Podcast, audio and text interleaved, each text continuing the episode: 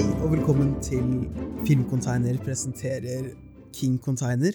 Podcasten hvor vi snakker om Stephen King og hans bøker og fil filmer som er basert på hans bøker.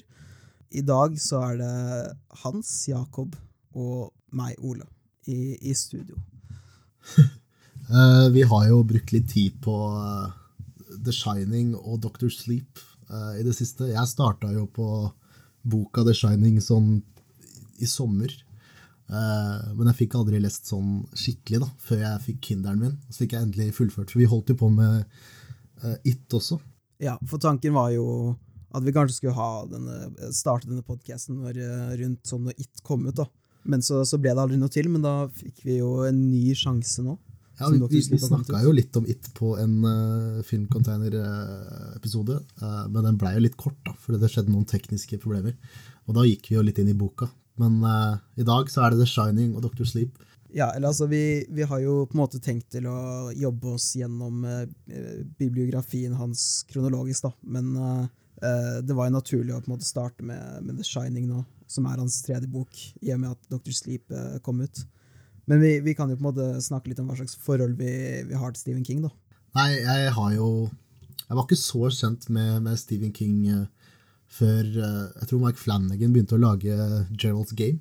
Og da ble jeg litt fascinert. Vi skal jo snakke litt om Mike Flanagan òg. Men eh, han har alltid vært i, bakhodet. Alltid, The Shining har alltid vært en film for meg som har vært Som jeg har sett mye, da. Eh, men det er jo ganske ulik boka. Det er jo Stanley Kubrick sin eget eh, ting. Men eh, jeg vet ikke om jeg har fått noe særlig forhold til han før, eh, før i år, faktisk. Jeg har bare visst om han og ikke lest så mye bøker før i år. Ja, nei, eh, jeg har jo sett mange av filmene som er basert på Stephen King-bøker. Men jeg har på en måte ikke hatt noe interesse av å Eller jeg har hatt interesse av det, men jeg har på en måte ikke giddet å ta meg tid til å lese noen av bøkene hans da, før uh, It. Altså, det var jo på en måte du som sa at du, du leste It-boka. uh, og det ble vel litt uh, inspirasjon for meg, da. For da tenkte jeg at jeg skulle slå til, jeg også.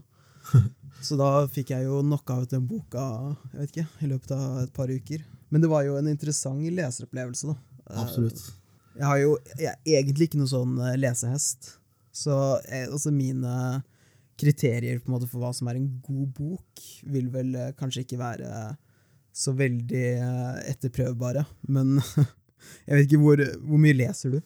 Nei, jeg har jo lest en del. Eh, Det var ikke før jeg fikk eh, Jeg syns jo det som er problemet med bøker eh, i sitt eh, vanlige form, da, som, en, som ark som man driver og blar i, så syns jeg det er ganske tungt. Og det krever at du har bra lys. Og, så da investerte jeg heller i en Kindle, og nå leser jeg faktisk hver kveld. Det er jo litt deilig da, å, å lese, men, men for min del så jeg forbinder jo den les, det leseritualet veldig med å bla i en bok. da. Så jeg klarer ikke helt å løsrive meg fra det og, og begynne med Kindle. Det syns jeg er litt skummelt. Jeg skal ikke overbevise deg, men eh, en Kindle er bedre enn du tror. Og jeg var litt skeptisk når jeg starta òg, men nå kommer jeg aldri til å lese en vanlig bok igjen. Men, men det er på en måte en, en tilfredsstillelse i å på en måte bla i sidene og bla i boka. Absolutt. Og jeg ser det 100 ja. Og det ble jo dette min andre Stephen King-bok. Men det jeg på en måte lot merke til som han gjorde veldig godt i, i It-boka, da, var jo å sette deg inn i, i hodet til karakterene. Eh, og det syns jeg han gjør veldig godt i The Shining også. Ja, eh, fordi eh, Danny er nesten en hovedkarakter i den filmen, på, mange måter. Og og du får også veldig mye om Jack Torrance. Og filmen er, nei, boken er mer en reise for Jack Torrance, der han kjemper mot uh, flaska og prøver å være en bedre far. Eh, og så kommer de til det hotellet, og ting begynner å skje som eh, ikke er så bra. Eh, og det, det hotellet er jo ute etter Danny på mange måter. Ja, for, for boka handler jo mye mer om alkoholisme enn det filmen gjør til en viss grad. Nå er på en måte filmen såpass abstrakt at du kan jo få den til å handle om hva som helst, men det er for mye mer tydelig i boka da, at det handler jo om Jack Torrance sitt rusmisbruk og hvordan han dealer med det. da. Og så funker på en måte hotellet og disse spøkelsene kan jo funke som metaforer og allegorier for eh, Ja, for det tar nesten 200 sider før vi kommer til hotellet i det hele tatt. Ja, så du får jo mye bakhistorie på en måte hva som har eh, skjedd eh, for at Jack Torrance skal være i den posisjonen hvor han eh, sier seg villig til å ta den jobben. da. Ja, og eh, jeg syns faktisk kanskje bakhistorien er det mest interessante i, i boka. Fordi det som skjer videre i boka, har det jo på en måte sett. Bortsett fra at det er jo Jeg, må, jeg, holder, jeg kommer til å gå fram og tilbake med den filmen hele tida, men eh, det er ganske annerledes. Og eh, Kubrick har tatt seg masse friheter med den boka. Og boka og filmen er ganske bra på hver sin måte. Fordi i Kubrick sin film så er det jo vi starter rett på hotellet. Eh, han får jobben. Ikke i den, fordi Så du den extended cutten? Jeg, jeg så den, eh, den amerikanske versjonen. Jeg, jeg lærte det av uh, Amund. For jeg var jo ute etter extended cut, og så sa Amund at det var ikke noe extended cut, det er bare en amerikansk og en europeisk versjon. Men men den er jo også klippet på en helt annen måte. Det er to, jeg føler det er nesten to helt forskjellige filmer. Jeg føler den, den amerikanske versjonen, som vi kan kalle den nå, er jo nærmere eh, Stephen King sin bok. Er du enig i det? Er det Gir det mening?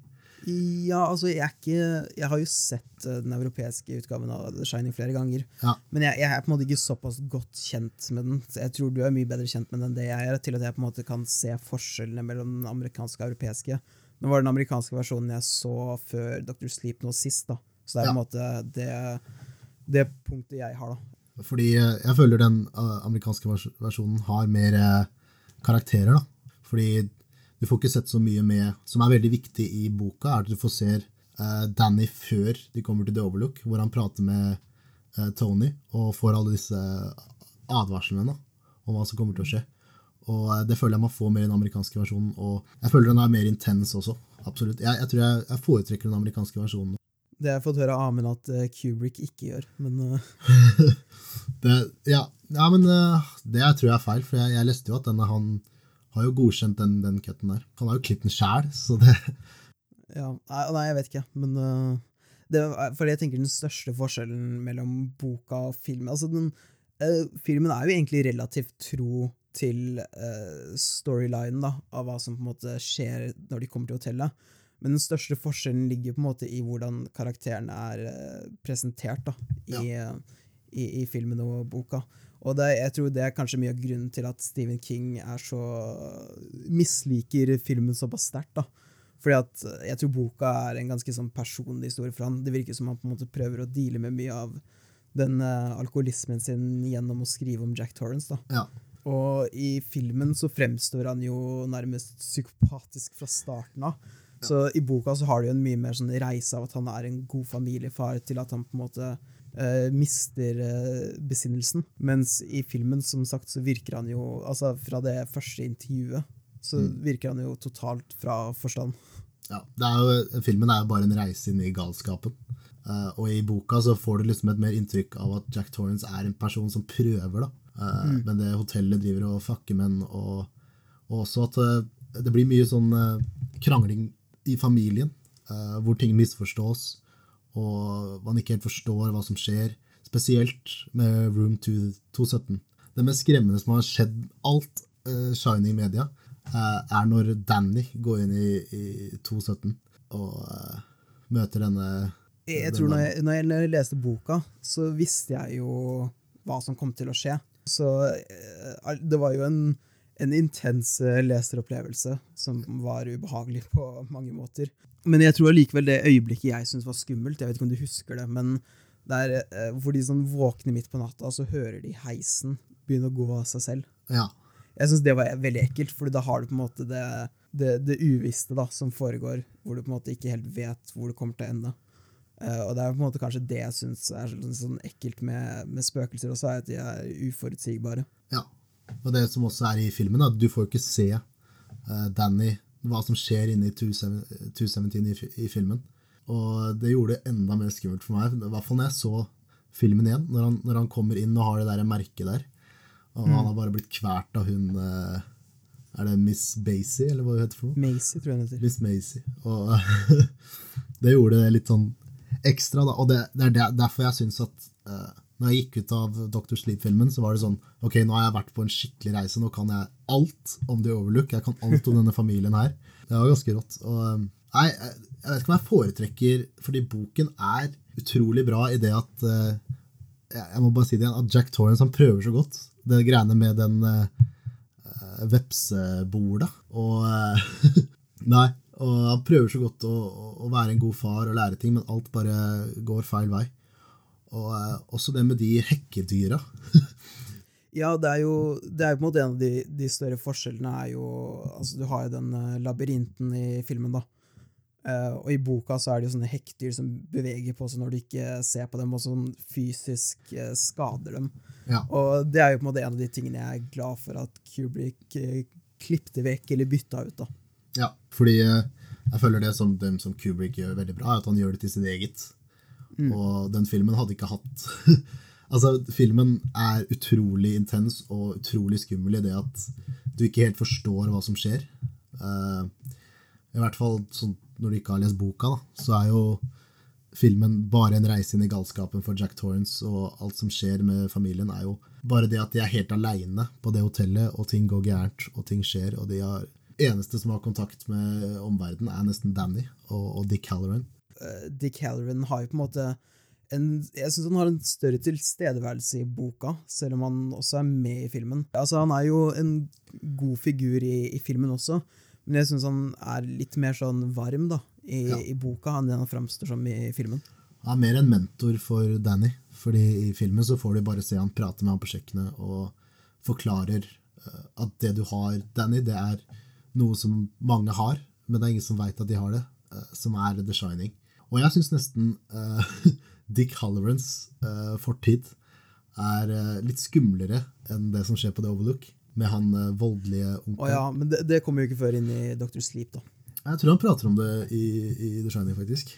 Boka bruker bokformat til, på en veldig god måte, mens filmen bruker filmformat på en veldig god måte. For ja. i boka, så, som vi på en måte diskuterte tidligere, at der har du på en måte den får du den innsikten inn i hodene deres og hva de forskjellige karakterene tenker, så du får en helt annen dynamikk der da, enn mm. det du gjør i filmen, mens filmen fungerer mer på et abstrakt nivå, hvor på en måte det er Jeg vet ikke om man skal kalle det en slags uh, urolighet. I det at du, du, vet på en måte ikke hva de forskjellige tingene betyr. Uh, så, som gjør det ekkelt i, i filmen. da. Ja, fordi jeg syns ikke boken De karakterene føles ikke så isolerte i boka i forhold til det filmen er. fordi jeg føler I filmen så isolerer du ikke bare karakterene, men du isolerer på en måte publikum. Jeg tror det er litt pga. pacinga òg, men Jo, men det er, det er jo i, i, filmen så er det på en måte for å skape en sånn klaustrofobisk følelse av at de er innestengt. Mens i boka så er det jo de reiser ned til den lille byen jeg vet ikke, Heter den Sidewinder? Eller Winder? Eh, så da, da, får de på en måte utenforstående elementer. da. Men jeg syns også det funker i, i, i, i boka, Fordi da, da, får de på en måte en følelse av at uh, det er på en måte foreldre som prøver å være gode. da som prøver å ta ansvar for eh, barnet sitt. Ja, du, du, gjør jo det i, i, filmen også, men det er jo et mye større fokus på Jack sin sånn nedgang inn i galskap. da. Eh, riktig. Og altså det er, det er vanskelig å sammenligne eh, boka og filmen, for man, man, kan nesten ikke. Jeg tror det er derfor det er lettere å prate om uh, boka, hvor uh, disse, dette hotellet som, som, det viser seg at er The Shining. Det er ingen alle disse er bare spor etter ting som har, grusomheter som har skjedd før. Når eh, Jack Torrance går ned i kjelleren og leser om historien til The Overlook. Og uh, ja. alle disse grusomhetene kommer tilbake da, i en spøkelsesform som bare, bare Danny og, og, Jack kan se, fordi Jack kan, kan skinne, og det kan også Danny. Det er derfor det er også interessant når Wendy begynner å se spøkelser, fordi da Eh, da tar det selvsagt uh, litt av. Ja, nei, jeg, jeg, føler på en måte Et tema som kommer veldig tydelig opp i, i boka, er jo på en måte dette med familiære bånd og determinisme. da. Mm -hmm. For du får jo mye bakhistorie om foreldrene til både Wendy og, og Jack. Om uh, historien om faren til Jack som uh, slo i hjel moren. og Så sammenligner jo boka veldig mye hvordan Jack Eller de, boka bruker på en måte eh, Jacks forhistorie mot han. da. Ja. Eh, eller det blir feil å si boka gjør det, men hotellet gjør det. Ja, Hans voldelige tendenser. Ja, eh, som han egentlig ønsker å legge fra seg, og vil at det skal forbli historie. Men så, så, på en måte klarer jo hotellet, eller hotellets krefter da, å få det fram igjen i han. og jeg synes på en måte det er noe av det sånn mer psykologisk skumle i boka, som forsvinner litt i filmen. Men jeg, jeg syns at uh, boka og filmen funker veldig bra sammen. For da har du på en måte Noen vil jo kanskje si at mye av det skumle med filmen forsvinner, fordi at den bakhistorien kan liksom ødelegge mystikken. Uh, men samtidig syns jeg at uh, den psykologiske biten blir forsterket da, av boka. Ja, det er jeg enig i. Det er jo et par ting jeg på en måte syns funker bedre sånn historiemessig, da, hvis du på en måte skal se på det som en slags ark eller reise. Mm -hmm. Så syns jeg at uh, sånn den Jack Torrance sin, uh, sin, utvikling er, mer, er bedre utviklet i boka enn det den er i filmen. Og så syns jeg at uh, Tony er en mer forståelig figur i boka enn det han er i filmen. For i filmen så, så, snakker jo Danny på en måte bare med fingeren sin. Mens i boka så, så er det jo en figur som dukker opp i drømmene hans, og som på en måte blir en manifestasjon av den shining evnen da, som han har. Ja, fordi det nesten det eneste Tony gjør, er å advare. Og det gjør han jo også ja. i, i Doctor Sleep. Liksom bare, bare, det at uh, hotellet er på en måte ute etter Danny uh, fordi han har så uh, kraftig shining. Mm. Og, det, det, blir jo forklart at uh, shinen funker på en måte som batteri for hotellet. da. Ja, og så liksom at altså hvis, hvis, han ikke hadde vært på det Overlook, da, så hadde jo det True Not sikkert plukka han opp mye tidligere. For han valgte jo å, å skru av, eller drikke bort The Shining. Da, på slutten. Og det kan du også tenke om, om Jack Torrance. Er det, er det, grunnen til at han, at han drikker? Er, er det pga. The Shining? Uh, fordi det kommer fram at det er jo altså Jack, Jack Torrance han skinner jo utvilsomt. Uh, men det, det, kommer jo ikke så veldig godt fram i boka, fordi han, han veit jo ikke uh, at det her er unaturlig. Og han tror ikke helt på det. Han er jo litt i fornektelse. Og ja.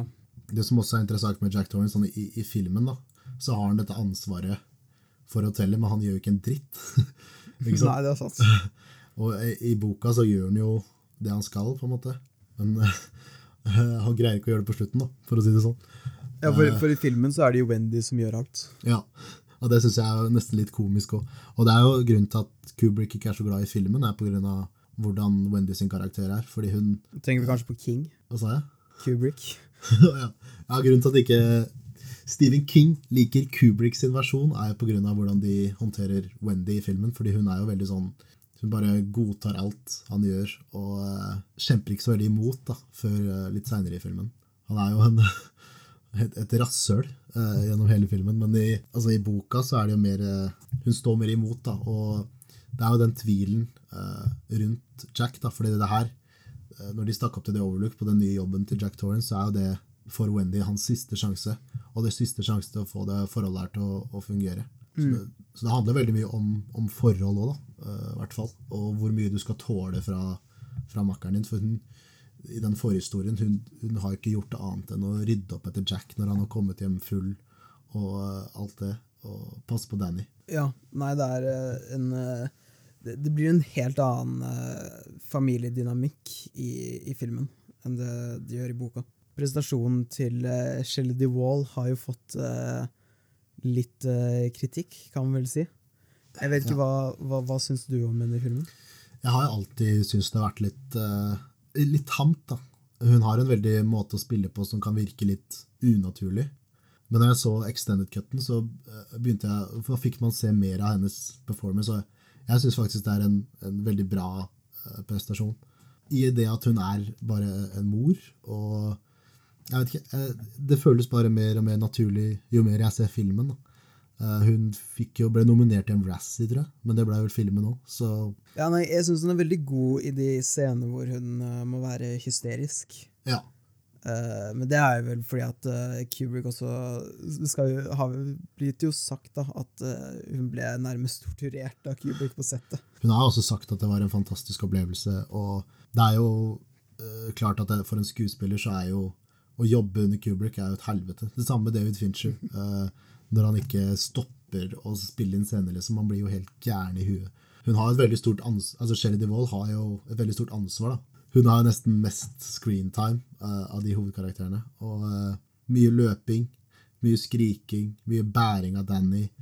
Uh, mye ja. følelser. Så det Vet du hva, jeg, jeg tar av meg hatten for Shelly Duval og de som sier at det er en dårlig performance, de de får bare synes det. Men uh, det vokser mer og mer på meg. Fordi det er jo lett å bli overskygga av Jack Nicholson, da, som pff, gjør sitt livs rolle. Så Ja, jeg, er, jeg er litt sånn ambivalent på hva jeg, hva jeg nesten syns om, om Jack Nicholson i filmen. Fordi det, altså, det er jo en, en prestasjon som er, eh, har vært hyllet gjennom tidene. Men det er på en måte, jeg vet, altså jo, han gjorde jo sikkert hundrevis av, av takes. Ja. Eh, så det er jo Kubrick som har valgt hvilke han har brukt. Mhm. Så han har jo sikkert eh, spilt det veldig annerledes i noen tekst, jeg vet ikke hvor mye man skal skylde på Jack Nicholson. Men på en måte det valget da, av at han er så uhemmet fra starten av, Ja. vet jeg nesten ikke om jeg eh, er så veldig stor fan av. Nei, men når du lager en skrekkfilm, så du må på en måte ha en intensitet uh, gjennom filmen, og ting må bli på en måte satt opp ganske tidlig, fordi eh, jeg syns også det er en, en utvikling av den galskapen. Eh, når eh, Danny kommer og setter seg ned med faren, det er jo litt sånn litt skummel stemning, og han, spør liksom 'Pappa, kommer du til å skade meg og, og Wendy?' Eh, og han bare 'Nei, nei, nei'. nei. Og så ser du litt galskap i øynene hans. Og jeg tror det er også mye av det at han eksempel når, når de andre, eh, Wendy og Danny, er ute og leker i snøen, eh, og han eh, Jack er inne Ja, han driver og driver med The Shining, han skinner som faen. Og eh, det er jo også Men den filmen her er så intens at den, trenger akkurat det. Ja, men det, det, på en måte den, den utviklingen til galskap betyr jo mer i boka, da. Når du, når du har på en måte sett han som en, eh, en god far også. Ja, men, du, men altså Filmen starter på The Overlook. Det første du ser, er bare helikopter som flyr gjennom skogen og opp i bilen der. Så, også i boka, med en gang han kommer til The Overlook, så er, det jo, så er han jo gæren, faktisk. Altså, han prøver så godt han kan, men jeg tror ikke han legger merke til hvor gæren han er. Filmen, den er så Jeg syns den er perfekt. Uh, I det at den Ja, er nei, så for jeg, jeg, jeg er vel egentlig ganske eh, mild på filmen i forhold til det de, de fleste er. Ja. Uh, for, for jeg syns absolutt at det er en, uh, en god film, og sånn rent teknisk så er det jo absolutt et mesterverk. Jeg tror ikke man kan argumentere for noe annet der. Eh, men sånn rent historiemessig og sånn karaktermessig så syns jeg at uh, boka nesten funker bedre. Problemet med, med Stephen King er at han, han klarer jo ikke å holde tilbake. Så det er jo mange ting han på en måte overskriver om, nesten. da. Uh, Ja. Til det punktet at det, det blir sånn information, information dump, liksom. Du, du føler nesten ikke at du trenger å vite så mye som han skriver. Nei. Og da, da tenker jeg jo kanskje spesielt i den grad av uh, at det er utrolig mye informasjon og historikk rundt uh, Overlook i Shining-boka, som jeg hatt litt mindre, han kunne hatt litt mindre av. Uh, og så har du jo på en måte disse de hekkedyrene som jeg ikke var noen fan av heller. Nei, jeg er litt enig. Jeg syns det var litt sånn der, litt camp, og jeg er glad ikke Ja. Kubrick gjorde det. Det er jeg også veldig glad for. Jeg er glad at ikke Kubrick gjorde mange ting, for jeg føler det hadde, det hadde skrudd ned intensiteten til filmen. Men uh, Ja, det er, det er jo mye av det som er drivkraften til den filmen også, er jo den uh, klaustrofobiske følelsen, da. At eh, de liksom er fanget. Og, og det, det er jo en film med utrolig bra pace. da. Du, du merker jo ikke at den filmen I hvert fall ikke den sånn amerikanske cutten, da, som er nesten to og en halv time lang. Du, du, det flyr jo bare av gårde. Den slipper ikke tak. Den griper deg fra første øyeblikk, og du er, du er nesten sånn litt on edge fra første øyeblikk, og den slipper ikke tak før du ser det frosne trynet til Jack Torrance. Hvis jeg skal se den, så må jeg nesten se den sånn midt på natta, aleine, totalt uten distraksjoner. Ja. Fordi altså, den filmen føler jeg lever og dør på atmosfæren. nå. ja, jeg visste det. Pappa hadde ikke sett den før, eh, så jeg Oi. visste den til han. Og han, han sa ikke et, var helt knust gjennom hele filmen. Var, vi hadde kost oss skikkelig. Eh, Og når filmen var ferdig, så var det bare sånn skikkelig utpust. Og han, eh, han var redd, da, for å si det sånn. Uh, Og jeg Ja, tror, det, er en, eh, en fin far og sønn-film. Ja, så det er, som du sier, den må, den må ses i de riktige omgivelsene, og ingen distra, distraksjoner, fordi når du er inne i Stanley Kubricks The Shining, så slipper du ikke ut før filmen er ferdig. Men boka er jo Jeg føler jo Stephen King kan skrive seg litt bort. At han, Ja, liksom, det, er, det er vel det jeg kanskje mente med å overskrive. ja, han kan snakke om det samme liksom, i et kapittel. Og liksom, det, Du må føle liksom Kom, kom igjen. Og det følte jeg kanskje litt, litt ekstra i Dr. Sleep. Men uh, jeg syns at eh, det som er skjer rundt Danny, er så interessant også. Uh, Ja, for det, det, det som måtte, jeg syns er uh, kult med, med Danny som karakter, er at han representerer jo veldig Det er jo det, noe av det Stephen King også er veldig god på, er på en måte å gå inn i hodet på barn. da. Ja. Så han representerer jo sikkert mye av det som man sikkert ikke husker De fleste husker jo ikke så mye av barndommen og måten man tolker eh, foreldrene sine eh, handlinger på. Ja. Det er jo, altså, man sier jo at barn forstår mye mer enn det man tror, av sånn rent kroppsspråk og sånne type ting. Så det er jo en ganske god metafor, altså 'Shining' er en god metafor for liksom den delen da, som barn forstår, men som man på en måte ikke nødvendigvis tenker at de forstår. Jeg føler også at han skriver eh, barna veldig modne. Da. De, er veldig, de forstår veldig mye, og de er veldig klar over hva som skjer i sitt sånn barnlige hode. da. Fordi Danny er jo hvor gammel er han? Fem år. Han er veldig klar over ting, han, han leser ting veldig, men han, han, løser det på en måte i sitt barnlige sinn. da. Og det syns jeg Ja. også Stephen King gjør i de andre bøkene sine. Sånn, sånn som med Abra er jo en veldig moden uh, karakter. Og også, uh, som jeg leser nå, The Institute. Uh, de barna der er jo også veldig, veldig modne for sin alder da, og veldig klar over hva som skjer. Men han greier å skrive det på et sånt, en barnlig måte, da. Som gjør det Jo, men, jeg- men jeg tenker at det er mer sånn De tingene som barna i, i bøkene hans forstår, er jo mer sånn menneskelige interaksjoner og sånne type ting. Er, de er jo fortsatt barn, så det er jo øyeblikk i boka da, hvor det er ting han ikke forstår. For eksempel når, han, når eh, alle forlater hotellet i The Overlook, eh, så er det en dame som eh, skal inn i en taxi, og så tenker hun at hun vil hoppe i buksene på taxisjåføren, eller hva det er for noe. Ja, ja, ja. Og, og det forstår hun jo ikke noe av. Så han har jo på en måte en balanse da, som gjør barna troverdige. Mhm. Eh, så det- blir ikke sånn at de forstår eh, ting som ville vært unaturlig for et barn å forstå. Det som gjør eh, disse barnekarakterene hans mest inntagende, da, er jo at eh, de har liksom den barnlige gleden og naiviteten og underet, da, som man på en måte mister som voksen. Eh, og det er kanskje det som har gjort han til en så populær forfatter, er at han på en måte er veldig god på å tappe inn i det. da. Han, skriver veldig, han skriver i ungene veldig voksne. Det, gjør han også i It. Eh, Ungene på hver sin måte er veldig, veldig modne, men også veldig barnslige og dumme på sin måte. Men Danny er jo også veldig klar over The Shining, da, eh, hvor Dick Halloran sier at det er bare bilder i en bok. Hvis du lukker øynene, så er det ikke der. Men han forstår jo til slutt at sant, det her er nesten ikke bilder i en bok, det er ikke noe jeg blir kvitt. Men det første, det er ikke bare å lukke øynene, du, måte, du må på en måte møte det. Ja, han, han blir jo fysisk angrepet da når han går inn i rom 217. Ja, og det er en forferdelig skummel eh, sekvens, uh, hvor han uh, møter Miss Macy, hun kommer helt bort til døren, uh, og han lukker øynene, holder øynene foran, og det er bare bilder i en bok, og så står hun der og kveler han. Han har mye dritt å, å støte med, han Danny. Han er jo også veldig nervøs før de kommer til hotellet. Ja, for, for han har jo på en måte blitt advart av Tony om eh, at de ikke burde dra dit. Ja, og eh, Red Room er jo den advarselen. En veldig, veldig eh, cinematisk måte å Når ting går til helvete, å vise det på. Eh, når han står og, og skinner med kniven ved siden av Wendy. Og så ser hun i speilet, han har skrevet Red Room på døra, og så står det 'Murder!'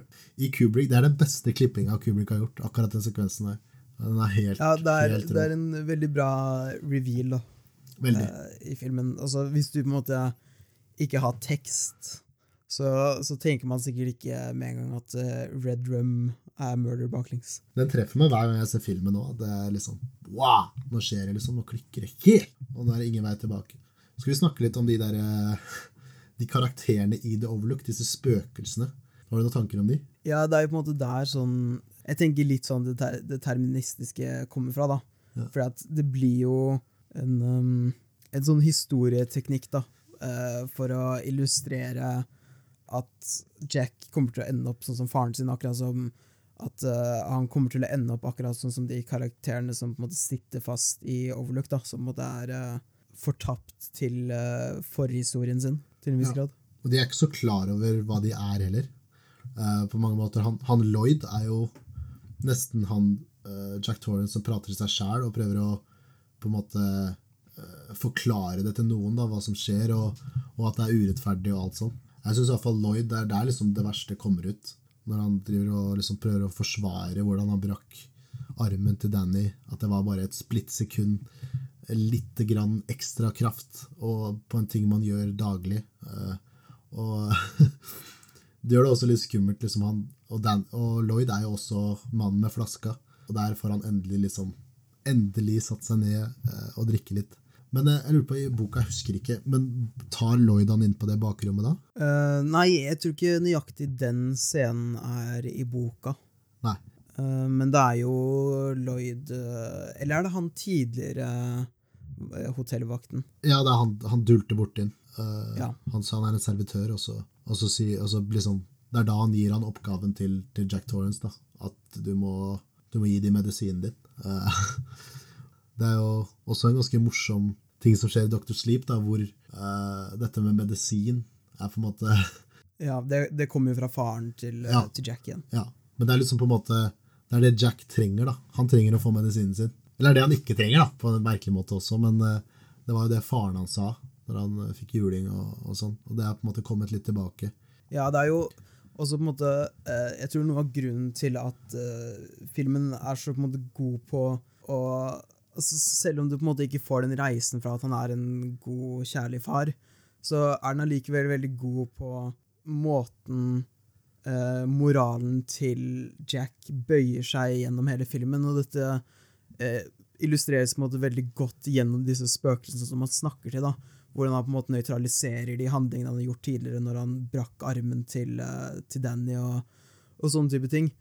Eh, for det er jo utro utallige sånne 90-talls-thrillere med folk som på en måte blir mer og mer gærne, men der har du ikke noe av den eh, moralske reisen da, som du har i denne filmen her. Så allikevel, selv om du ikke har den eh, veldig ehm, på en måte overfladiske historien, så får du allikevel eh, et eh, eh, Hva skal man kalle det? Et mer substantivt blikk på den moralske reisen, da. Ja. Eh, hvis vi skal snakke om spøkelsene, så er det på en måte det jeg tror jeg syns er mest interessant eh, med dem. ja fordi de, de spiller bare på eh, de tendensene han har, han Jack Torrance, og mm. liksom drar han lenger og lenger vekk fra uh, familien. Uh, jeg syns også det er interessant liksom den, den uh, jobben han har på The Overlook, da, blir på en måte hans downfall. da. Fordi han eh, blir så distrahert av alt annet at han greier til slutt ikke å passe på de passe på den boileren. da. Skal, vi, skal, vi snakke litt om, eh, snakke litt om slutten? Eh, og Dick Halloran, fordi han eh, har jo ganske mange sider i boka hvor han eh, Ja. skal komme seg til først til Sidewinder og så ta den uh, Snowcatten opp til The Overlook uh, og prøve å redde. Uh, og det er jo når ting går til helvete på The Overlook, og Danny shiner med Dick Halloran og bare 'Hjelp meg, Dick! Du må komme deg til helvete opp. Ting skjer', ikke sant? Så han tar den reisen opp dit, og det er litt Ja. av en reise. Det er glatt, og det er et helvete. Han kommer seg opp, og der kommer de jævla hagedyra og begynner å slåss mot den. Og Ja, jeg, jeg syns at det er kanskje en av de delene hvor, eh, hvor Stephen King skriver seg litt bort. da. Vi trenger jo egentlig ikke å vite hvordan man kom seg altså, Det er jo greit, det er mye snø på fjellet, og sånt, men jeg trenger ikke en detaljert beskrivelse av hvordan reisen hans var fra Sidewinder til uh, The Overlook. liksom. Også dette med uh, disse hekkedyra som angriper uh, Halloran, syns jeg på en måte tøyer strikken, da, Stephen King ja, ved, ved å på en måte drive og utrede så forferdelig mye om, uh, om hans reise. da. Det er på en måte ikke det interessante med boken, uh, og jeg syns på en måte ikke det tilføyer noe interessant til ideene da, som, som boken eh, presenterer. Nei, Dick Halloran er mest interessant når han på en måte er en mentor for Danny. Ja, Og prøver å, for, prøver å beskrive hva som skjer, da. hva The Shining er, og, og hvordan du skal bekjempe akkurat det. Og han kommer seg opp, da, han, eh, han Dick Halloran, og kommer seg inn på hotellet. Og der har allerede Jack Torrance også grisebanka Wendy med en, er det en golfklubb. Det er, det er sånn du spiller sånn eh, Du spiller krokket med. Sånn krokketkølle. Ja. Og i, i filmen så blir han selvfølgelig meia ned med en gang av øksen til Jack Torrance. ja det er jo en av de på en måte sånn store historiemessige forskjellene mellom boka og filmen, er jo at Halloran overlever jo i boka. Ja, og eh, så blir jo han Jack Torrance påminnet på at hvis ikke du passer på den boileren, da, så går den i lufta. så han, eh, han går jo ned mens de andre greier å komme seg ut da, og prøver å stoppe. Hele Overlook går i lufta, og eh, de kommer seg ut til slutt. Eh, og det er jo ganske annerledes da, eh, fra det som skjer i filmen, hvor Danny lurer han inn i labyrinten og greier å lure han til å ikke finne veien ut igjen, og så fryser han i hjel. Ja, nei, fordi at det er jo Det at Kubrick på en måte lar hotellet stå, er jo nesten en, en gave til, til oppfølgeren. da. At Mark Flanagan får lov å leke seg i The Overlook, det var derfor. Og det gjør han også på en veldig morsom måte. Skal vi, skal vi prate om Dr. Sleep? Eller? eh? Ja, vi, vi kan jo gjøre det, så på en måte de, de, de tingene som går over i Dr. Sleep, da, som eh, eh, ikke kan teknisk sett egentlig ikke kan gjøre det i filmen, er jo det at Halloran overlever.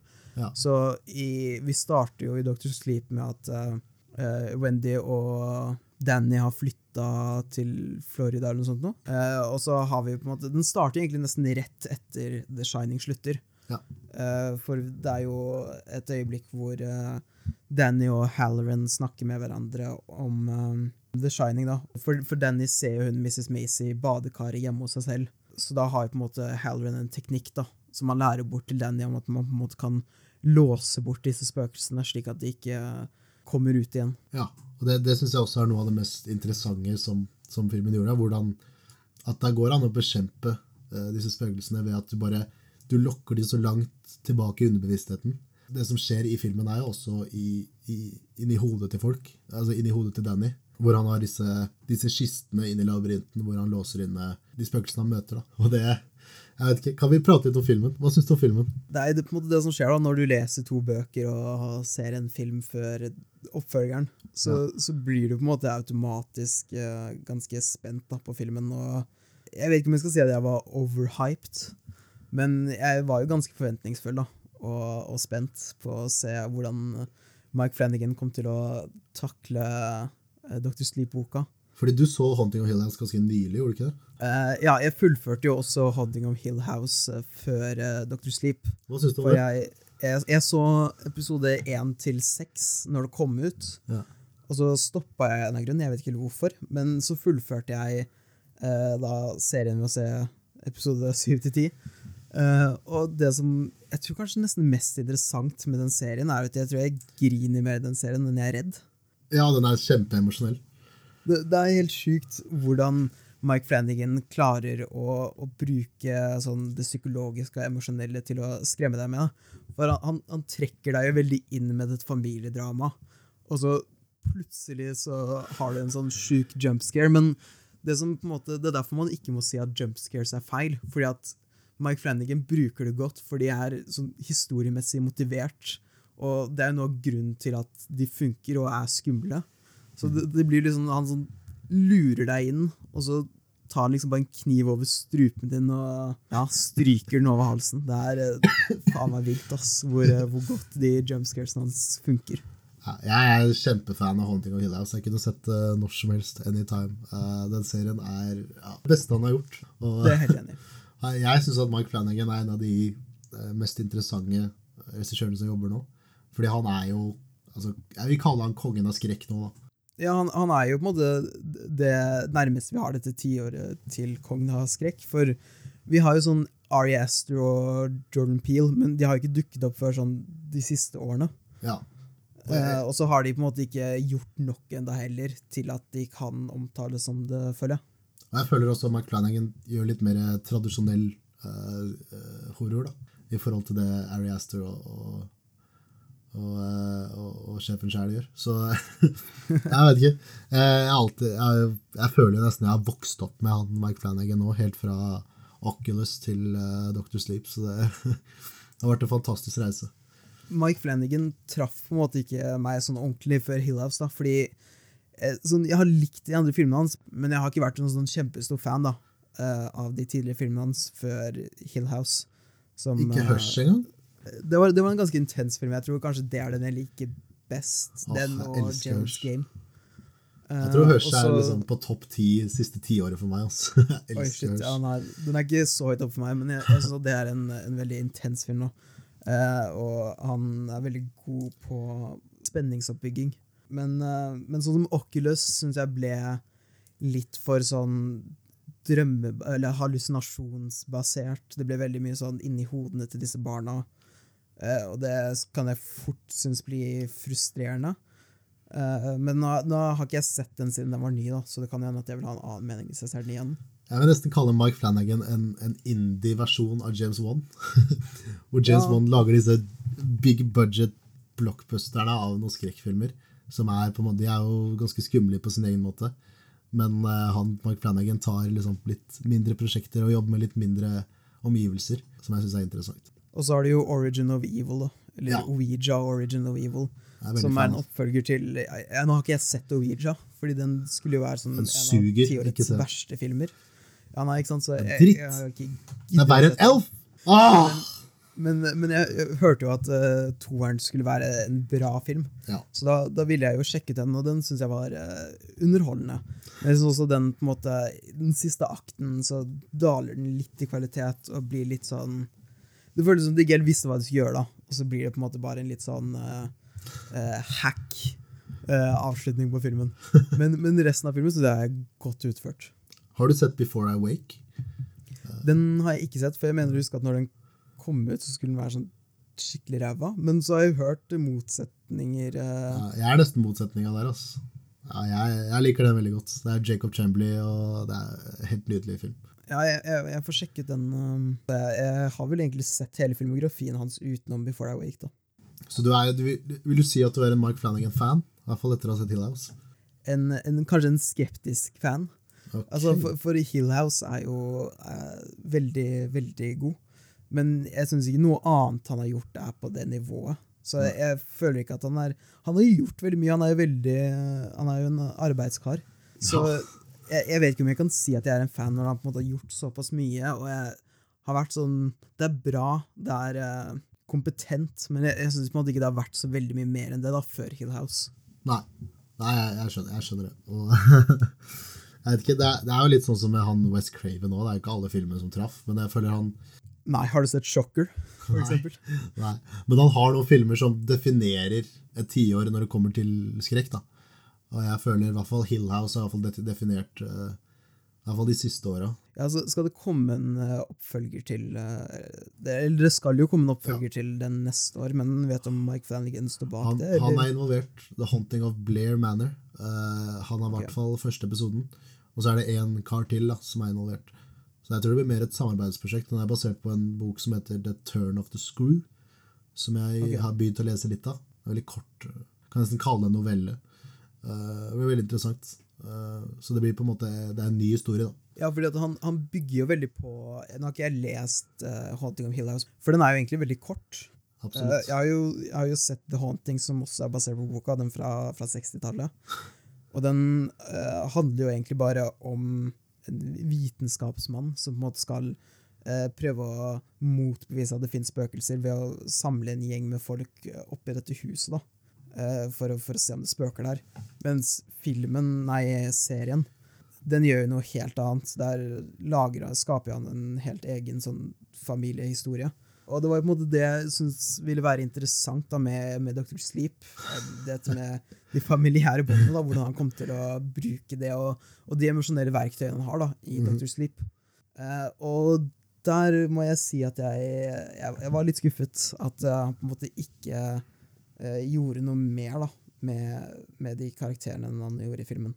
Jeg føler at boka og i forhold til det Shining og det Kubrick Shining og Stephen King Shining, ja, de er veldig ulike, men Dr. Sleep, filmen og boka er jo helt, nesten helt identiske. For, for jeg, jeg synes nesten ikke at Det var jo flere skumle øyeblikk i boka, da. Mens jeg synes i Dr. Sleep-boka så var det vel bare sånn ett øyeblikk som jeg på en måte syns var eh, ekkelt. Ja, Det er det Mr. Macy, er det ikke? Eh, nei, det var egentlig den Det er en, et øyeblikk hvor, eh, hvor Abra eh, bare sånn ser ansiktet til Ja, Rose ja, ja, ja. Utenfor vinduet sitt. Ja, Jeg var Hvor hun nervøs en når jeg måte- gikk inn i filmen og ser den scenen der. Altså. Ja, men den, den scenen er jo egentlig ikke i filmen. Mm, jeg føler måten han beskriver det på, er ganske likt i, i filmen, hvor han ser, han- hun ser ut av vinduet Nei, nei, det er, det er, ikke, det er ikke det. Det er, det er etter at de har vært inni hodene til hverandre. Og så det, er, det er et veldig lite øyeblikk. Det er, har egentlig ikke noe med historien å gjøre. Det, hele tatt. det er bare det at hun sånn, ser ansiktet hennes i vinduet. Ja. ja. Og, og det lille øyeblikket syns jeg var, var ekkelt. Men, men utenom det syns jeg egentlig ikke at Dr. Sleep er en, er en skrekkfortelling. Det er egentlig mer eh, en fortelling om livet og døden. Altså sånn det er, Mm. i, I boka så er det mye mer av at han hjelper disse folkene på, på eldrehjemmet da, komme over til den andre siden. Uh, så det er, det er jo på en måte Jeg om jeg skal si det rørende, men uh, det, er, det er jo litt koselig da, at Ja. han hjelper disse eldre. Men utenom det så blir det veldig mye sånn uh, reising fram og tilbake rundt i Amerika. Og mye av det som på en måte er skummelt eller ekkelt i Shining, er jo den klausifobien. Den er jo totalt borte i Dr. Sleep-boka. Jeg føler også at, at uh, Dr. Sleep er en mer tradisjonell Stephen King-fortelling. Altså, det, det er nærmere noe av det, noe av det annet han har skrevet. Og uh, jeg tror det er det som kan på en måte Hvis du går inn i filmen og tror at den kommer til å være helt lik som The Shining, så tror jeg ikke man kommer til å like den. Uh, jeg personlig syns at Dr. Sleep er en av de beste filmene som er laget i år. Eh, jeg jeg var sykt forelska i den filmen her. Og, eh, fordi jeg, jeg var ikke så eh, fan av boka. Jeg syns den var interessant, men jeg synes han, han skriver seg veldig bort. Ja, jeg er litt enig. Jeg er egentlig ikke så veldig stor fan av boka, jeg heller. Men det jeg føler du får i boka, som jeg syns er totalt fraværende fra filmen, er uh, dette med, med karakterer generelt. Altså, I boka så har du jo dette med at Danny drar på AA, og Ja. at han, hans forhold til alkoholisme, da, og hvordan han på en måte kommer seg gjennom det. Og, og, og klarer å unnvike faren sin skjebne. Ja. Så det er jo på en måte hans ark i boka. Men i filmen så har han Jeg syns nesten ikke han har noe å gjøre. Altså, jeg syns Ewan McGregor ikke gjør noe som helst interessant med rollen. Jeg syns han er utrolig, utrolig kjedelig. Uh, men altså, det er, det er ting jeg liker i filmen. da. Problemet mitt er på en måte strukturen og måten den er fortalt på. Synes jeg blir veldig sånn montasjeaktig. Jeg syns ikke at noen av scenene går inn i dybden på karakterene. Jeg føler ikke at jeg blir kjent med noen av dem i filmen. Mens uh, i boka så får du mye mer følelse av sånn, hvem Abra er, og foreldrene hennes og sånt igjen. da. Men så liker jeg på en måte også uh, de regivalgene da, som uh, Mike Flanagan gjør for å på en måte visualisere de ubeskrivelige tingene i boka. Og han gjør jo noen ganske gode valg da, med å unnvike Abra snakker gjennom Danny. Det ville jo sett veldig flåsete ut hvis de skulle gjort det i filmen. Da hadde det jo bare blitt en sånn campfest. Så han er jo god på å unnvike de, de verste fellene, da. Men jeg tr tror det på en måte blir så mye å fortelle at det blir ikke noe Det er mangel på fokus da i filmen. Og det er jo på en måte mitt største problem. På mange måter så må du jo, som jeg tenker da, i denne filmen her, så må du balansere. Du må ha Danny, du må ha Abra, og så må du ha Rose the Hat og The True Knot. Og Ja. jeg, synes, altså, jeg kan jo se for meg at Jeg tror jeg bare fanboya litt når jeg så denne filmen her, men jeg, jeg genuint syns det var en bra film. Og jeg var, hadde liksom gåsehud hele filmen, så det eh, var ganske vilt. Eh, men jeg kan jo se for meg i hvert fall publikum som ikke er så kjent med Dr. Sleep, da, og, og hvilken vei den boka går i forhold til den originale Shining. At det kanskje kan virke litt rart og litt sånn merkelig. Og Det er sikkert derfor den, den har gjort det litt dårlig. Jeg syns også problemet til denne filmen her er faktisk tittelen. den har ikke den mest eh, interessante tittelen eh, når det kommer til Du må jo kalle den Dr. Sleep, men hvis du, skal liksom, hvis du ikke veit noe om det, da, og du skal se en film som heter Dr. Sleep, det handler bare om en søvnig doktor. Ikke sant? Så det er, og at ikke det Ja, har noe med The Shining den, gjøre. den har gjort det dårlig sånn Fryktelig dårlig til og med sånn økonomisk sett, men den har jo fått sånn relativt god kritisk mottakelse. Altså det er jo noen som har mislikt den sterkt, og andre som har likt den veldig godt. Så det er jo liksom eh, Det virker jo som om det er sånn love it or hate it-type film. Eh, Det er jo derfor det er litt sånn rart at jeg er på midten, da. Men jeg, jeg syns det er ganske tøft gjort av eh, Mike Flanagan å holde seg så tro til boka. Ja. For det er jo det er veldig mye rart i den. Altså dette med at de, de, de eldre på en måte forderver essensen av barn, er jo Det er litt av et eh, Det er et ganske hårete prosjekt da, å utgi seg på. Ja, det er det som filmen, jeg synes det som er interessant med Dr. Sleep, er også The True Not, som på en måte livnærer seg på folk eh, som skinner, som har The Shining. Eh, og det er også interessant å tenke på liksom, at på mange måter så var Danny tryggest inne i The Overlook. Da. Fordi hvis han, hvis han ikke hadde vært der, så hadde han nok blitt plukket opp til ja, The True Not. Så på en måte så er Overlook en, en og det kommer litt fram, en, en beskyttelse da, for eh, Danny. Og, og Abra. Og eh, jeg syns også Rose the Hat er en ganske Jeg synes Rebecca I denne her så er det ikke lov, plass, det er ikke lov å nevne Mission Impossible Fallout. Rebecca Ferguson er med i den filmen her. Hun er en, en fantastisk skuespiller. og uh, når jeg leste boka, det var akkurat sånn jeg så for meg Rose the Hat. akkurat sånn som hun jeg, jeg leste også boka, og så så jeg at hun var casta som Rose the Hat. Så det er et utrolig godt castingvalg. Ja, Og gode valg rundt The True Not òg, fordi altså, i boka så er det jo altså, Rose Hat har en svær tann. Som jeg tenkte bare Det vil jeg ikke se i en film. det, det, slapp jeg også. Så jeg vet ikke. Ja, har, det, det, står at hun beskrev at hun har sånn hvalrosstann eller noe sånt. Ja. Men i, i, i, boka så er jo True Not mye større, da. Ja. Og det, det, er jo også egentlig et ganske godt valg å, å ikke begynne å Fordi at jeg syns allerede det er på en måte for mange elementer i filmen og for lite fokus. Så hvis du på en måte skulle hatt så mange eh, medlemmer av True Not i filmen, så hadde det jo bare blitt et enda større rot. Ja. Så det er, det er, jo greit at de har sånn, jeg tror det er sånn fem-seks medlemmer eller noe sånt nå.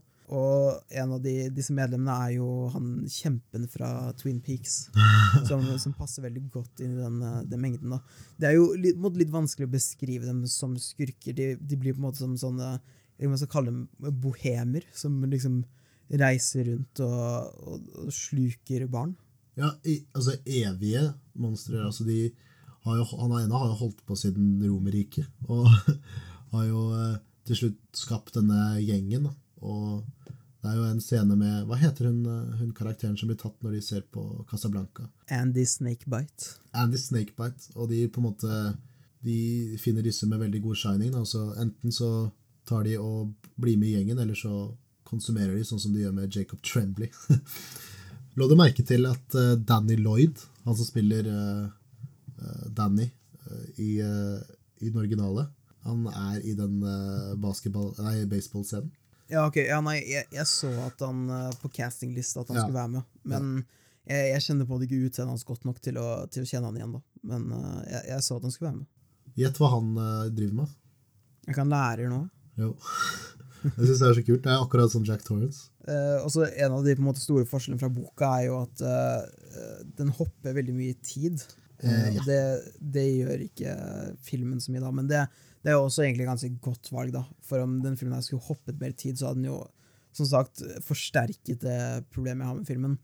Men det, det jeg på en måte savnet, var jo at uh, en av de måte, store tingene som Danny dealer med denne filmen, er jo at han, han var jo en ganske sterk uh, rusmisbruker, og uh, på en måte hans bunn, da, da, da, han var på sitt verste, så stjal han fra en som het Dini. Ja. Uh, som er en, en, fattig kvinne som uh, har et barn som han forlater uh, til, å, til, å, dø. Da.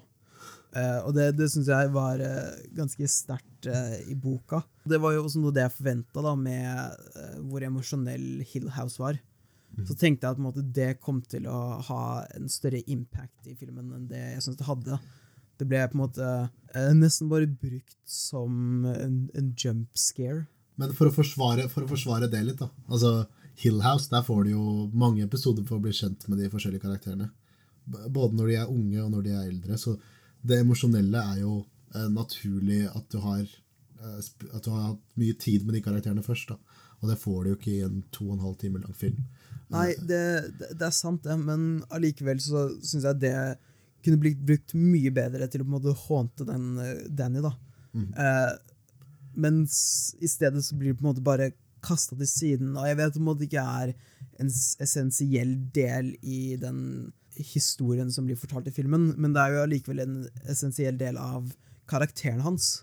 Og jeg, jeg synes den de, de, de, har på en måte ikke noe, Jeg syns ikke det er noe godt fokus på noen karakterer. Jeg syns ikke jeg blir kjent med noen av dem, og hvis jeg ikke hadde lest boka, så hadde jeg, jeg tror jeg ikke jeg hadde fått noe forhold til dem. Nei, jeg, jeg vil selvfølgelig være uenig. da. Jeg syns at alle karakterene får nok tid til å, til å, puste litt, og du rekker å bli kjent med dem. Uh, I hvert fall Danny og The True Not. Abra er jo mer en sånn en, en katalyst. da. Altså, uh, det er hun som setter i gang uh, denne krisen og alt det. Så vi kan snakke litt om hvordan, hvordan det skjer, da, fordi han, han Danny han prøver å få livet sitt i, i, gang igjen og har begynt å jobbe på det sykehuset hvor han hjelper disse døde med å, å dø da, og sovne inn. Uh, Derav navnet Dr. Sleep. Og uh, han har en svær vegg i leiligheten sin uh, som han kan skrive på. Og plutselig så står det 'hello'. Og det er Abra som har brukt sin shining da, for å kontakte Danny, som han tror er på en måte hennes Tony. da, Bare en, en person inni hodet hennes. Men det er jo en virkelig person. Og de kommer i kontakt når hun greier å få med seg at Jacob Tremblay sin karakter blir drept, og The True Not tar steamen hans.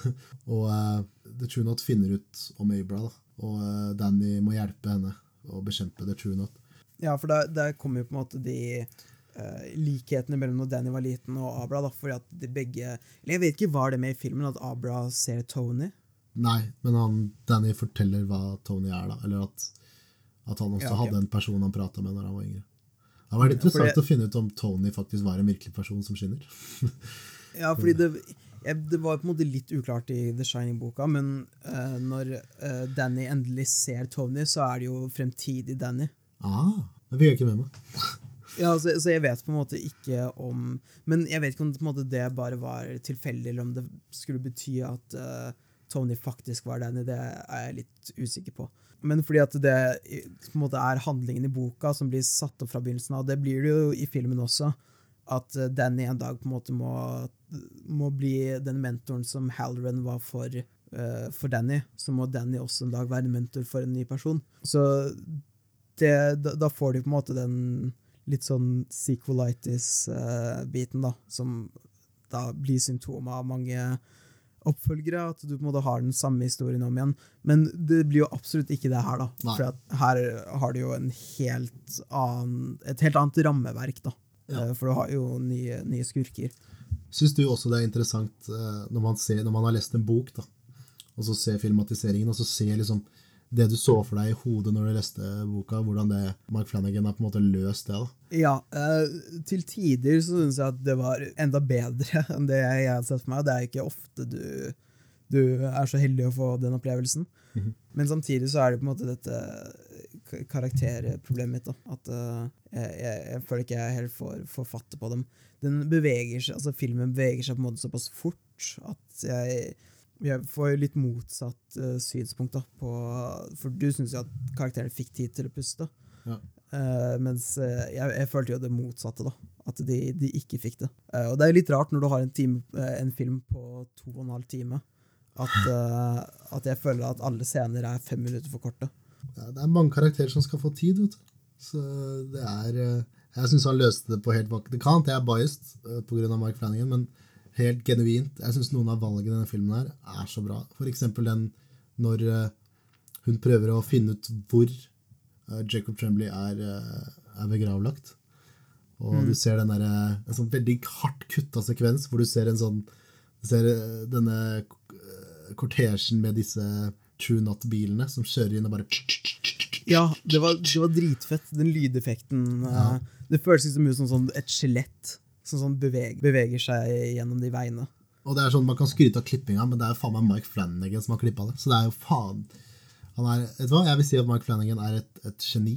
Og måten han håndterte det på å balansere altså Stanley sin visjon med Stephen King, og overbevise Stephen King om å gå tilbake til The Overlook. Eh, det er jo helt, det er helt fantastisk at vi har det her. Ja, altså, Han har jo en, en umulig oppgave for seg. da, og Det at det på en måte er en, eh, en, en film som er kompetent da, i det hele tatt, mm. er jo egentlig et mirakel. Det blir jo litt sånn som med Endgame. da, At uh, den filmen også på en måte er kompetent. Det var jo litt omdiskutert på Film og tegner. uh, Men det er, det er, på en måte et mirakel at han har klart å merge disse to visjonene inn i én. Men det, også at det likevel føles ut som en Mike Flanagan-film. For den, den, har jo på en ja. måte sånn, den sånn tåkeaktige looken da, som, mm. uh, som Hill House også har. Og sånn, den scenen hvor de for eksempel, da, sånn, dreper uh, Jacob Tremblay, den er jo også veldig sånn tåkebelagt. Og det er jo veldig stemningsskapende. da. Ja, um, Mark Flanagan er et geni! Og, fy faen, jeg gleder meg til Blay Manor. Og gleder meg til alt han gjør. Aldri stopp Mark Flanagan. Jeg elsker det. ja, nei, jeg er jo, eh, Selv om jeg på en måte syns at det her var en liten skuffelse, så, så, har jeg ikke gitt opp på, på Mike Flanagan. Jeg synes fortsatt at det her var en, inkompetent film, da, sånn som mange av de tidligere filmene hans. Selv om denne her er jo mye mer ambisiøs. da. Mm -hmm. Så jeg syns den burde få litt mer cred bare for det. Og så i boka så er jo eh, så, så har jo Outlook eh, Nei, Overlook har jo eksplodert jo i The Shining. Eh, så der, der har du en ganske antiklimatisk avslutning, hvor de bare sånn dytter Rose the Hat av en klipp eller noe sånt. Ja, og så skjer Det er liksom en siste battle på altså, parkeringsplassen på The Overlook, liksom. Ja, det, det, det er ganske ganske ræva, for å si det sånn, i boka. Så det at de på en måte da kan bruke Overlook igjen, er jo som sagt en gave, da. Og det gjør jo avslutningen på, på filmen mye bedre enn avslutningen på boka. Hva følte du når de her er litt spoiler, da. Men de kommer til en parkeringsplass. De er på vei til The Overlook for en siste standoff med Rose the Hat. Og jeg bare Cue the music. Og så skjer det, og det, penner panner over, akkurat som Kubrick i mørket. Over der, og jeg bare Herregud, jeg har aldri hatt så sånn nostalgisk øyeblikk i en film på lenge. ass. Hvor jeg, jeg, holdt på å falle ut av setet mitt. Det var helt perfekt. Og jeg vet ikke, Hva syns du om Overlook i den nye filmen? Jeg syns det var utrolig kult da, og, og modig at de på en måte turte å uh, bare sånn gjenskape åpningen av uh, The Shining. Bare at uh, det er om natta, da, selvfølgelig. Så jeg, jeg, på det punktet så var jeg sånn Shit, det her er fett, liksom, men jeg skulle ønske at jeg var mer investert i karakterene i filmen. da. Jo, men Som en overgang fra Stephen Kings versjon til Kubrick sin. Det er så nydelig gjort. Ja, absolutt. Jeg, jeg bøyer meg i støvet for, eh, for Flanagan. Eh, jeg syns det var utrolig godt utført. Som sagt, jeg, bare, jeg skulle ønske at jeg var mer inni det. det. Det har jo mer med resten av filmen å gjøre. Så ja, nei, veldig, veldig godt utført. Så når det liksom kommer til uh, Overlook, så er jo spent på hva de kommer til å gjøre der, for det er jo på en måte der det dividerer fra boka. Så der vet jeg, aner jeg jo ikke hvordan de kommer til å utføre resten av handlingen. Uh, og så hadde jeg jo ikke sett noen trailer eller noen ting heller. Så jeg hadde jo ikke peiling på, på hva som kom til å skje. Nei, eh, Hva syns du om at de liksom har eh, på en måte recreata disse scenene fra The Shining bare med nye skuespillere? Var det, var det jarring for deg, eller gikk det greit? Uh, nei, jeg, jeg, jeg, jeg syns det funka veldig godt, egentlig. Men det er jo litt sånn Det, det blir vel litt nitpicky, da. eh, at på en måte alt er forlatt akkurat sånn som det var på slutten av Shining. Eh, som, som kanskje er litt rart. At eh, hotellet står sånn som det sto da. Men du, du kan jo også argumentere for at, eh, at Overlook-hotellet på en måte At det på en måte bare er i Danny sitt hode. da At det ser sånn ut. Ja. At, uh, det, fordi her, den delen av filmen spiller jo veldig på det subjektive. Hvordan eh, karakterene oppfatter omgivelsene. Så det, det funker jo på det nivået. da Ja, men du, det, jeg føler akkurat med The Overlook så trenger du at ting er helt på plass. Du trenger den eh, skrivemaskinen til Jack Torrance eh, i midten av Ja, du, du stua det der. Og, du må jo på en måte gjenskape den, den ikoniske biten. da ja. Men jeg liker også at den er litt sånn run down når han bare går igjennom Overlook. Eh, Et av problemene jeg på en måte hadde gjennom filmen, var at eh, jeg syns ikke Rose the Hat var en stor nok trussel for Abra og Danny. Abra er på en måte så smart da, at hun klarer hele tiden Hun ligger jo nesten hele tiden et steg foran Rose the Hat. Så jeg syns ikke at hun var, var alene ble en god nok motstander da, for Danny og, og Abra. Uh, hun blir jo tatt ganske fort ut av, ut av spill. For Rose the Hat er jo en veldig Hun har ikke opplevd noe sånt, at uh, noen med The Shining tar så hardt tilbake, så hun kanskje undervurderer Abra en del. da. Uh, Ja, men allikevel så skal det jo på en måte være en skrekkfilm. Så jeg, jeg skulle jo ønske at vi på en måte hadde den frykten der, da. At det er hele tiden en sånn overliggende fare og trussel fra, fra en motstander. Uh, og det syns jeg mangler i boka også. At Abra på en måte er Jeg vet ikke om det er hun som er for, for smart, eller Rose the Hat som er for svak, men det er på en måte en god blanding, da. Jeg syns at det, uh, den dynamikken burde vært litt mer balansert, da. Ja, nei, eh, jeg må jo si meg uenig igjen. Fordi eh, det er jo punkter der altså ting går helt til helvete for Danny og Abraham. Da er jo ikke Rose the Hat involvert. Uh, nei, på en måte. Men uh, for eksempel, det er jo steder der uh, karakteren er helt aleine mot Rose, som, som er eh, ganske skummel i seg sjæl. Og uh, i hvert fall den, den scenen hvor de greier å ta ut The True Not. Da. I den, den kuleste scenen i filmen, syns jeg, da, er når uh, hun uh, Snake Bite, er det det heter? hun, Ja. hun får han ene til å, å skyte seg sjøl. Fordi hun kan få folk til å falle i søvn og så liksom på en måte få dem til å gjøre ting. da. Og når vi brukte det, jeg bare wow. Fordi den karakteren som ble drept der, er jo veldig viktig mot slutten der. Ja, det er, det er jo også et, et punkt i filmen hvor eh, den gjør noe annet enn boka. da. For i boka så er det jo er jo han, er det Billy han heter? Han, han er jo med hele veien. Uh, så det er jo også på en måte en, en ting som jeg likte i boka, da, var jo at der hadde du på en måte to lag som var mot hverandre. Ja. Mens i, i filmen så blir det jo litt mer magert, da. Men, men det er jo for så vidt uh, greit nok. Det har jo egentlig ikke så stort problem med da. Men uh, for, for min del så er den, den kuleste delen i, i filmen er jo den scenen hvor Rose the Hat skal prøve å gå inn i hodet til Abra, og du bare ser henne sånn flyte over jordkloden. Åh, fantastisk. Og det, det var et eksepsjonelt øyeblikk som, eh, som, hvis filmen hadde vært bedre, hadde kanskje hevet den opp til å være et lite mesterverk her også. Da. Men ja, jeg har jo på en måte sagt de, de problemene som, som henger med for meg hele veien. Da. Ja. Nei, det er helt fair, og jeg, jeg ser det også. Fy fader, for en eh, For en uh, bragd han har gjort med denne Fordi altså, source materialen til det her, altså boka jeg, jeg kunne ikke sett for meg det her ble lagd til film engang. Det er fordi det er så, så langt borte fra The Shining. Eh, så det er interessant at Stephen King har skrevet det òg.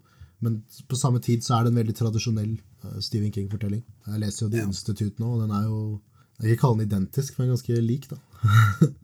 Jeg tror, jeg tror kanskje den, den skumleste scenen for meg i, i filmen er vel kanskje åpningsscenen. Når du, du, det er en liten jente som eh, Jeg vet ikke om hun er på campingtur eller hva, og så uh, får hun øye på, på Rose the Hat inni, litt i skogholtet. Ja. Eh, og så ser du på en måte bare True Not sånn sakte, men sikkert nærme seg Eller omringe hun jenta, da. Og jeg, jeg skulle gjerne hatt liksom mer av de scenene, da. Ja. Uh, for at, men jeg, jeg vet ikke, prøver uh, Dr. Sleep å være en skrekkfilm, eller jeg, jeg skjønner på en måte ikke helt hva den skal være for noe. Men, ja, men det er spennings-fantasy-ish. Uh, Jeg følte jeg var ikke noe spesielt redd gjennom filmen. Nei, men, men igjen, da, det er jo for så vidt måtte ikke egentlig et problem, det heller. Men jeg tenker det samme med Hill òg. Den er jo ikke, den er ikke direkte skummel. Det er jo mer det som det underliggende som er mer skummelt, syns jeg. da. Jeg vet, ikke, jeg vet ikke om jeg syns noe er skummelt lenger, egentlig. Eh, Jeg greier ikke å Jeg ville jo kalt det her en skrekkfilm, da. Fordi jeg, jeg ser jo de forskjellige sjangertrekka, da. Men jeg, jeg føler ikke at det er, det er sjelden en film skremmer meg. da. The Shining gjør det. The Exorcist gjør det. Eh, men Jo, men jeg, har jo på en måte blitt Ja, Ari Aster, ikke sant? Han, han får det jo til. Ja. Så jeg vet ikke, på en måte så lenge det liksom bygger på det psykologiske, da, så, så klarer de jo allikevel fortsatt å skremme meg. Men, men her så var det på en måte mangelvare, da. Jo, men det er jo ikke noe tydelig forsøk på å skremme deg. Sånn som, altså jeg ville gå så langt til å si at de nye It-filmene Det er ikke skrekk for meg, det er mer tradisjonell Det er sånn eh, skrekken er i dag, da, på en måte. Og jeg ser hvorfor, men jeg blir jo ikke redd, liksom. Det er på en måte hvordan, eh, hvordan skrekksjangeren har utvikla seg. Til hvor man, hvor, hvor man ser en film som kanskje ikke har disse vanlige skrekkinntrykka som man pleier å få i en, i en eh, big budget skrekkfilm. eh, med jump scares og alt det greiene der. Så jeg likte at denne filmen At jeg slapp det da, så veldig i denne filmen. Og Ja, altså, som sagt, det er liksom ikke hovedproblemet mitt, da. Hvis, hvis de liksom hadde klart å ordne opp med, med, med disse karakterproblemene jeg har, så, så hadde jo ikke det vært noe jeg hadde, egentlig hadde klaga på, eller nesten i det hele tatt tenkt så mye over selv. ja, jeg tror den filmen hadde vært enda mer jarring hvis den hadde eh, tradisjonelle forsøk på å skremme deg. da. Eh, hadde trykket filmen ganske ned. Det er jo på en måte mer sånn det, det øyeblikket sånn som jeg forklarte nå, da, med, med at uh, True Not på en måte bare sånn omringer henne jenta. Uh, det, det er jo sånne øyeblikk jeg skulle ønske det var mer av. da. Ikke, ikke jump scares, Nei, nødvendigvis. jeg føler den filmen der er litt sånn imellom eksempel Ari Aster sine filmer som er skumle, eh, mer psykologiske thrillere. da. Og så har du tradisjonelle skrekkfilmer med jump scares og skriking og whatever. Jeg føler Dr. Sleep er ganske sånn, i, sånn middle child. da. Som på en måte har en tension, men den har liksom ikke de eh, tradisjonelle trekka som du er vant til. da. Men altså, du har jo den eh, Jacob Tremblay-scenen også, som er ganske sånn forstyrrende. Ja, Så det er, det er ikke det at det er eh, at den har totalt eh, mangel på, på ubehagelige øyeblikk. Det er, det er ikke det. Det er på en måte mer at eh, jeg, jeg liksom savner en sånn gjennomgående stemning. da. Den har det til tider, men jeg, jeg synes det slipper taket litt for ofte. Og det, det, er jo på en måte en av styrkene til uh, The Shining. da, At uh, den slipper jo ikke taket. Nei. Nei, det er jo Men det er jo den veldig annerledes Det går nesten an å sammenligne, fordi denne fortellingen er jo veldig hva skal jeg si, mer fantasy da, enn The Shining. så... Ja, det, det, blir jo til en viss grad det, da. Men jeg vet ikke, jeg, jeg føler denne filmen her Den var liksom litt skummel på sin måte. da, At uh, du veit at det er noe skummelt som skjer, og, og, det er mer Det han viser deg, er mer forstyrrende, mer forstyrrende bilder. Uh, du får litt gore. altså Nei, det er det jeg liker. Og, fordi jeg, jeg, vet ikke om jeg liker Jeg er veldig glad i Ari Aster sin, sin horror, da, som skremmer meg på et sånt nivå som sjelden skjer. men jeg liker også de tradisjonelle hvor, hvor du bare kan ha det gøy. Men det er digg å ha noe imellom. Jeg syns Dr. Sleep er perfekt. Jeg vil ikke kalle det en skrekkfilm, men uh, det er skrekk, på en måte. ja, jeg, jeg, er jo egentlig med, med, med, for det meste på det du sier. Men ja, er, på, på, en måte så er det jo nesten en slags omvendt skrekkfilm nå. For hvis det på en måte hadde vært fra Rose the Hat sitt perspektiv, så hadde det kanskje vært enda mer skumlere. At du plutselig har en creepy liten jente. Nei, jeg synes at det er jo, det er jo mye uh, skrekkscenarioer fra Rose the Hat sin, sin uh, perspektiv. Uh, ja, altså den, den scenen hvor, hvor, hvor, Rose the Hat går inn i hodet til Abra, er jo egentlig skummelt fra hennes side. Ja. Du liksom har Abra uten øyer og bare sånn fucker opp hånda hennes totalt. Men jeg, jeg, føler også Mark Flanagan har en egen måte å lage skrekk Det er mer eh, det er mer visuelt skummelt. Du, trenger, du må ikke ha skriking i øret mitt. Du bare, du bare ser på noe creepy. Liksom. Det, det digger jeg. Jeg liker også hvordan han håndterte når han er Dr. Sleep. Da. At du har disse øyeblikkene med Danny hvor han uh, hjelper disse, disse eldre å, sovne inn for siste gang. Det er sikkert bedre håndtert i boka ja, det er, det er, akkurat det som blir litt problematisk her. Da, er at uh, du, du, får ikke forklart det på samme måte, eller Det blir vanskelig å skape den samme emosjonelle Vekke den samme emosjonelle følelsen gjennom, uh, gjennom, en film da, som det er når du leser en bok. Hvordan syns du at de på en måte gjorde slutten til uh, boka The Shining i Doctor Sleep-filmen? Det, det, er jo egentlig veldig nesten interessant da, at de på en måte har klart å ja, faktisk sånn merge eh, Stephen King og Kubrick på den måten. Uh, og jeg, jeg, tror det er sånn, kanskje nesten det eneste punktet hvor jeg sånn, faktisk følte med denne filmen, var uh, Noen vil kanskje si det er corny, men når den i dag går ned i dette boiler roomet, uh, og så brenner alt rundt han, og så dukker på en måte moren hans opp. Ja, fordi det er på en måte det er hjemmet hans. Det er der han var sammen med familien. og det er på en måte, Uansett hvor traumatisk det var, da.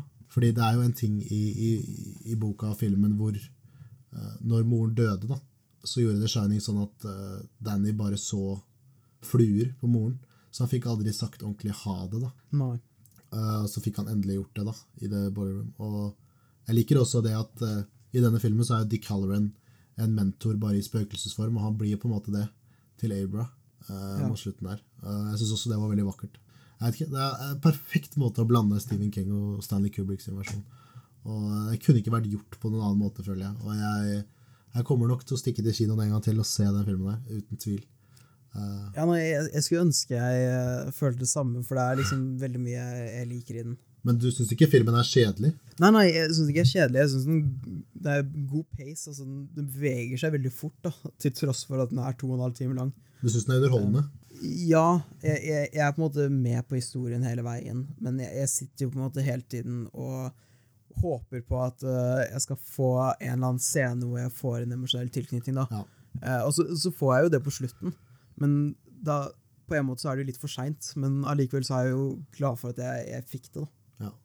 Og det er jo selvfølgelig viktig å Det er jo sånn med film, for å like den, så må du få den tilknytninga. Jeg følte jeg fikk den, men eh, hvis ikke du fikk det, så skjønner jeg 100% hvorfor den ikke traff. Men, men allikevel så, så syns jeg den har nok kvaliteter da, til at den er severdig. Jeg, jeg ja. syns ikke det var en dårlig film.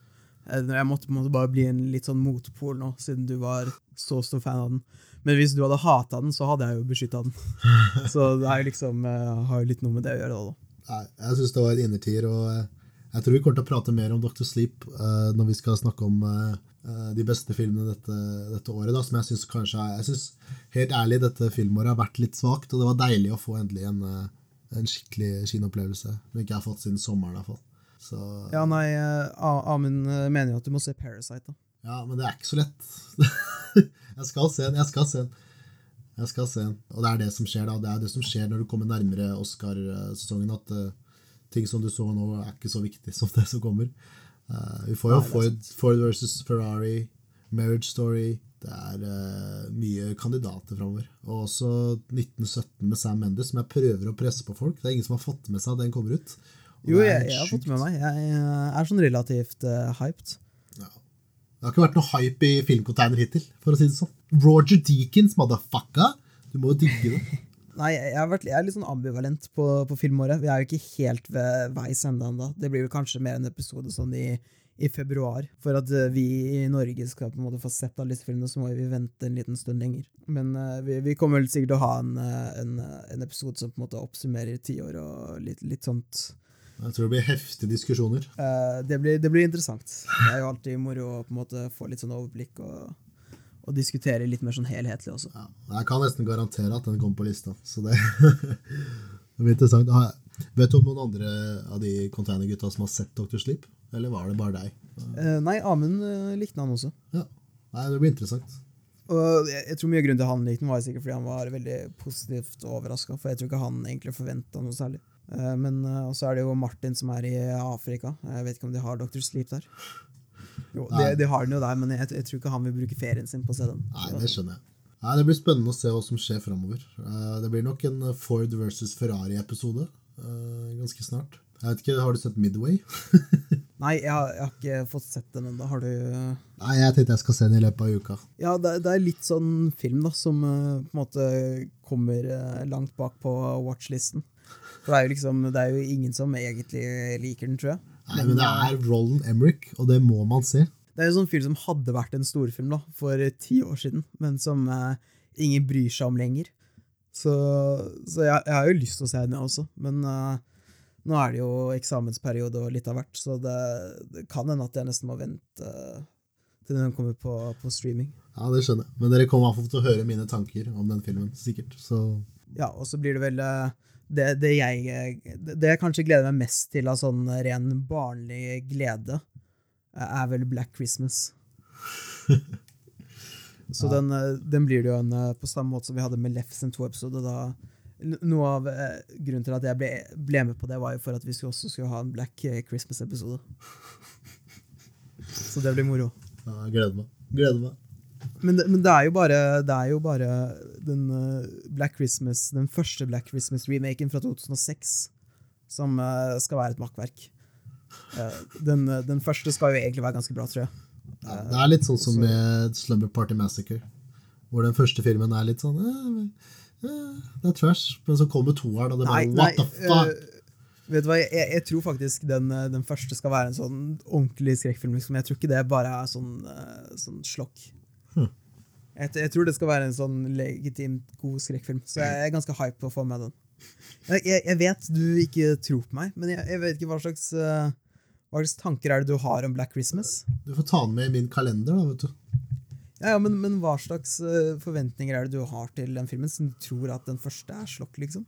Nei, altså Jeg har jo hørt at det er noen bra manusforfattere bak den. Ja, for, for remaken er 110% slokk. Og vi, vi kan vel komme litt dypere inn på mitt forhold til den når vi kommer til den episoden. Men, eh, men den originale har jeg hørt skal være sånn faktisk bra. Og så disse Blumhouse-filmene er jo litt sånn wildcard. Og det, den nye remaken er jo en Blumhouse-film, så det blir jo veldig spennende å se hva de gjør med den. Blir du alltid redd når du ser den Blumhouse-logoen på starten av en film, hvor du ser den der stolen? Og ja, ja den, er litt, den er litt freaky. Den er litt freaky. ja. Men uh, dere, får, uh, dere får vite nå at jeg, jeg skal ha en uh, litt sånn som Spooktober, hvor jeg får disse containergutta til å lage meg en liste av julefilmer. Jeg skal se én eh, helt fram til julaften. Eh, og så skal jeg prøve å, via Instagram da, å prøve å filme mine reaksjoner før og etter filmen. Ja, det, er det gleder jeg meg til. og så får vi se. Vi, vi kommer vel til å kanskje snakke litt mer om eh, den lista på neste episode, da. For det blir vel sikkert i hvert fall én til før Black Christmas. Ja, Så der ble den første King-containeren, og jeg følte det var en Det er alltid litt gøy å prate om Stephen King, for han er jo en veldig Jeg vil si sånn Jeg prøver å skrive mye ting sjøl, han er blitt en stor inspirasjon for meg, det huet hans. det er godt. Så, så, neste episode av King Container så vil vi kanskje prøve å, å, å plukke opp uh, fra starten av med, med Kerry. Ja, og jeg vil også sikkert snakke litt om uh, For jeg leser jo hans nyeste bok, The Institute, som kom ut i år.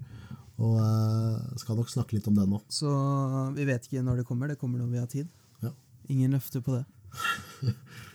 Det er nok sterkere tilbake med en vanlig Filmcontainer-episode snart. Så må dere huske å følge oss på Twitter og Instagram og LinkedIn og Reddit.